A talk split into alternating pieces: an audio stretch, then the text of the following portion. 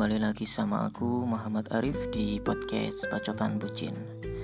Di podcast episode kali ini aku akan membahas tentang LDR Yaitu sebuah pertanyaan. Jika teman-teman terpaksa menjalin hubungan long distance relationship Atau hubungan jarak jauh Lanjutin atau pisah. Jika teman-teman LDR lanjut atau pisah. Singkatnya seperti itu teman-teman dalam beberapa hari yang lalu aku pernah membuat dua Instagram story. Yang pertama adalah bertanya bahwa menurut kalian LDR itu susah apa enggak? Yang kedua adalah jika teman-teman terpaksa LDR, pilih lanjut atau pisah. Yang pertama kita bahas ya. Yang pertama kita bahas apakah LDR itu susah? Dari ratusan penonton story ada sekitar 67% mengatakan bahwa LDR itu susah. Dan sisanya itu enggak susah. Alasan mereka adalah karena ada fitur di WhatsApp seperti VC ada video call ataupun Skype video call. Intinya nggak harus ketemu. Bisa kok kita LDR tapi masih kayak bertemu yaitu dengan LDR Nah itu kata mereka yang merasa nggak susah menjalin LDR.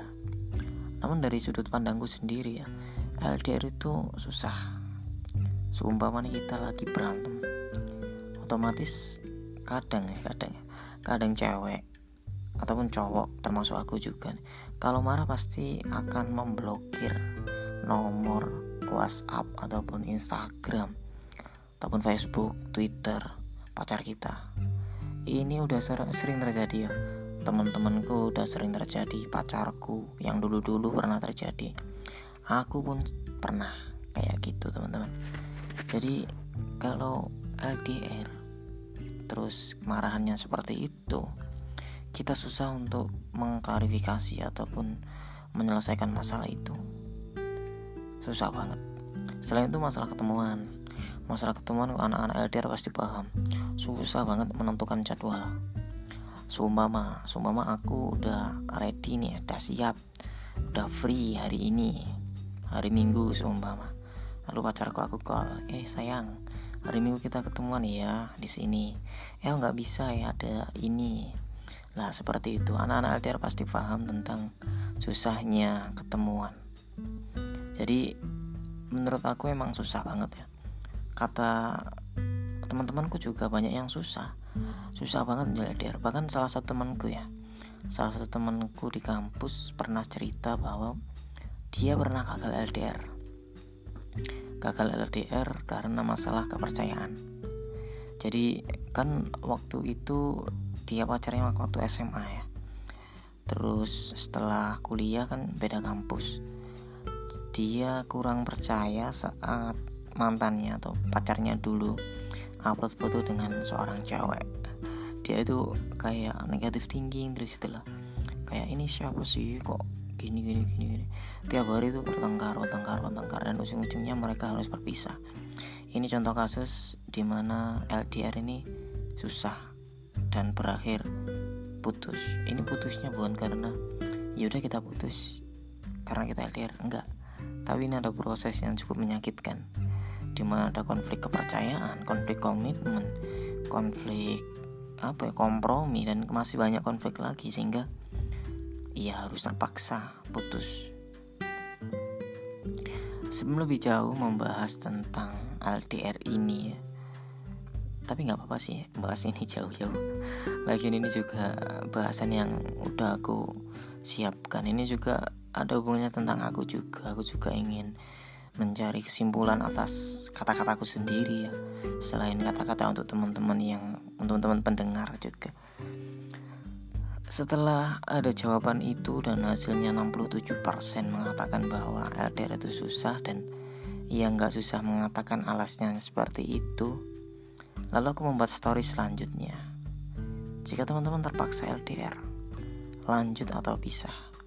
Ini jawabannya cukup 50-50 sekitar 54 berbanding 46 persen 54 lanjut 46 persen putus kenapa kok bisa Lalu di podcast kali ini kita akan bahas apa?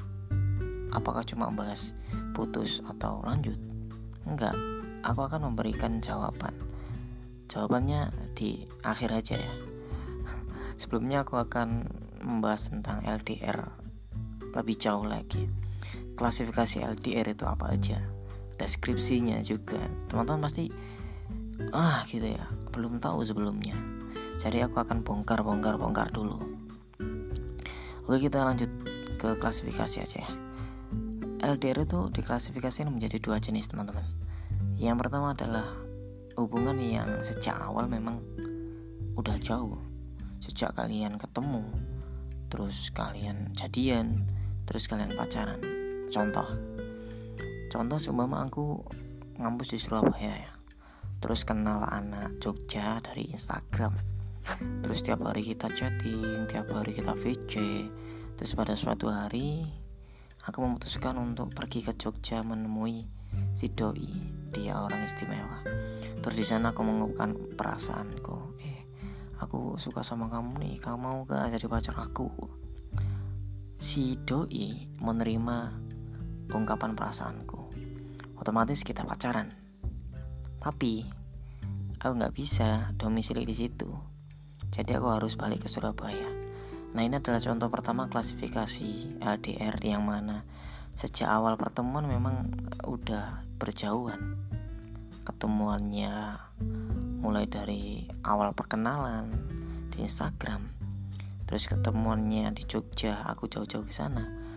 Yang terakhir setelah jadian malah berjauhan lagi nah itu contoh LDR yang sejak awal memang berjauhan yang kedua adalah hubungan di mana perkenalan kemudian memutuskan untuk merajut kasih ataupun menikah atau berpacaran lalu kemudian dipisah karena pekerjaan atau kegiatan profesional seperti belajar, eh, seperti studi, seperti sekolah.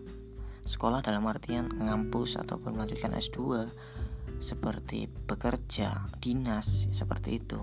Lain adalah contoh kedua, contoh seumpama temanku nih, temanku ya bukan aku lagi.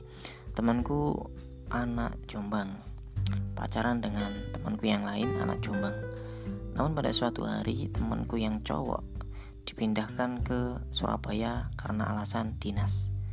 Otomatis mereka LDR. Nah ini adalah contoh kedua di mana hubungan yang awalnya dekat dijauhkan karena pekerjaan.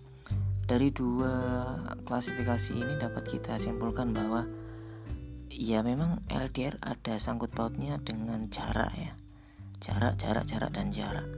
Aku akan memberikan study case yang masalah jarak dari awal dari awal pertemuan itu udah jauhan contoh adalah temanku pondok waktu dulu waktu SMP namun dia udah lulus SMA ya.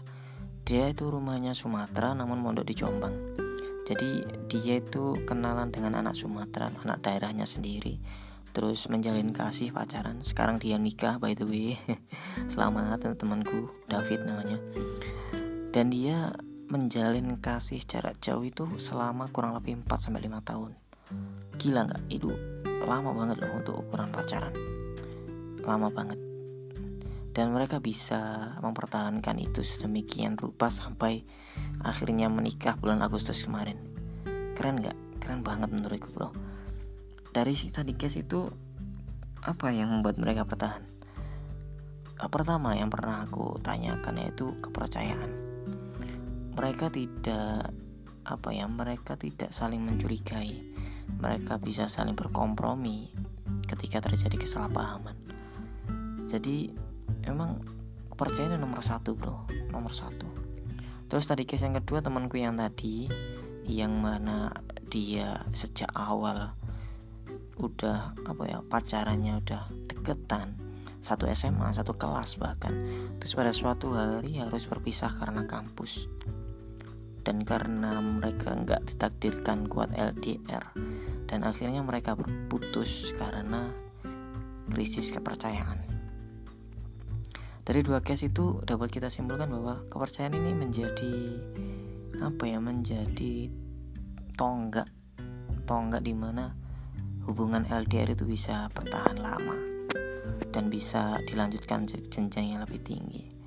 Lalu pertanyaannya sekarang ya, jika teman-teman terpaksa LDR, lanjut atau putus? Ini tergantung komitmen teman-teman ya. Untuk mengatasi jika teman-teman mengatasi ah putus saja deh. Teman-teman harus mengembalikan kepada komitmen teman-teman. Teman-teman ini pacaran dengan si doi karena alasan apa? Teman-teman bisa punya komitmen apa ke dia? Jadi teman-teman harus mengingat-ingat ulang apa komitmen teman-teman pacaran dengan si doi? Ya ingat-ingat kalau jawabanku sendiri sih lebih baik lanjut. Kenapa?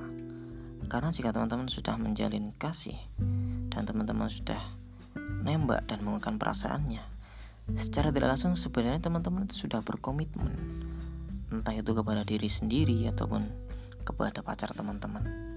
Jadi teman-teman bisa dibilang apa ya kalau memutuskan hubungan secara sepihak ketika uh, ketika apa terpaksa LDR teman-teman masih seperti orang yang tidak bertanggung jawab pada komitmen yang sudah teman-teman buat.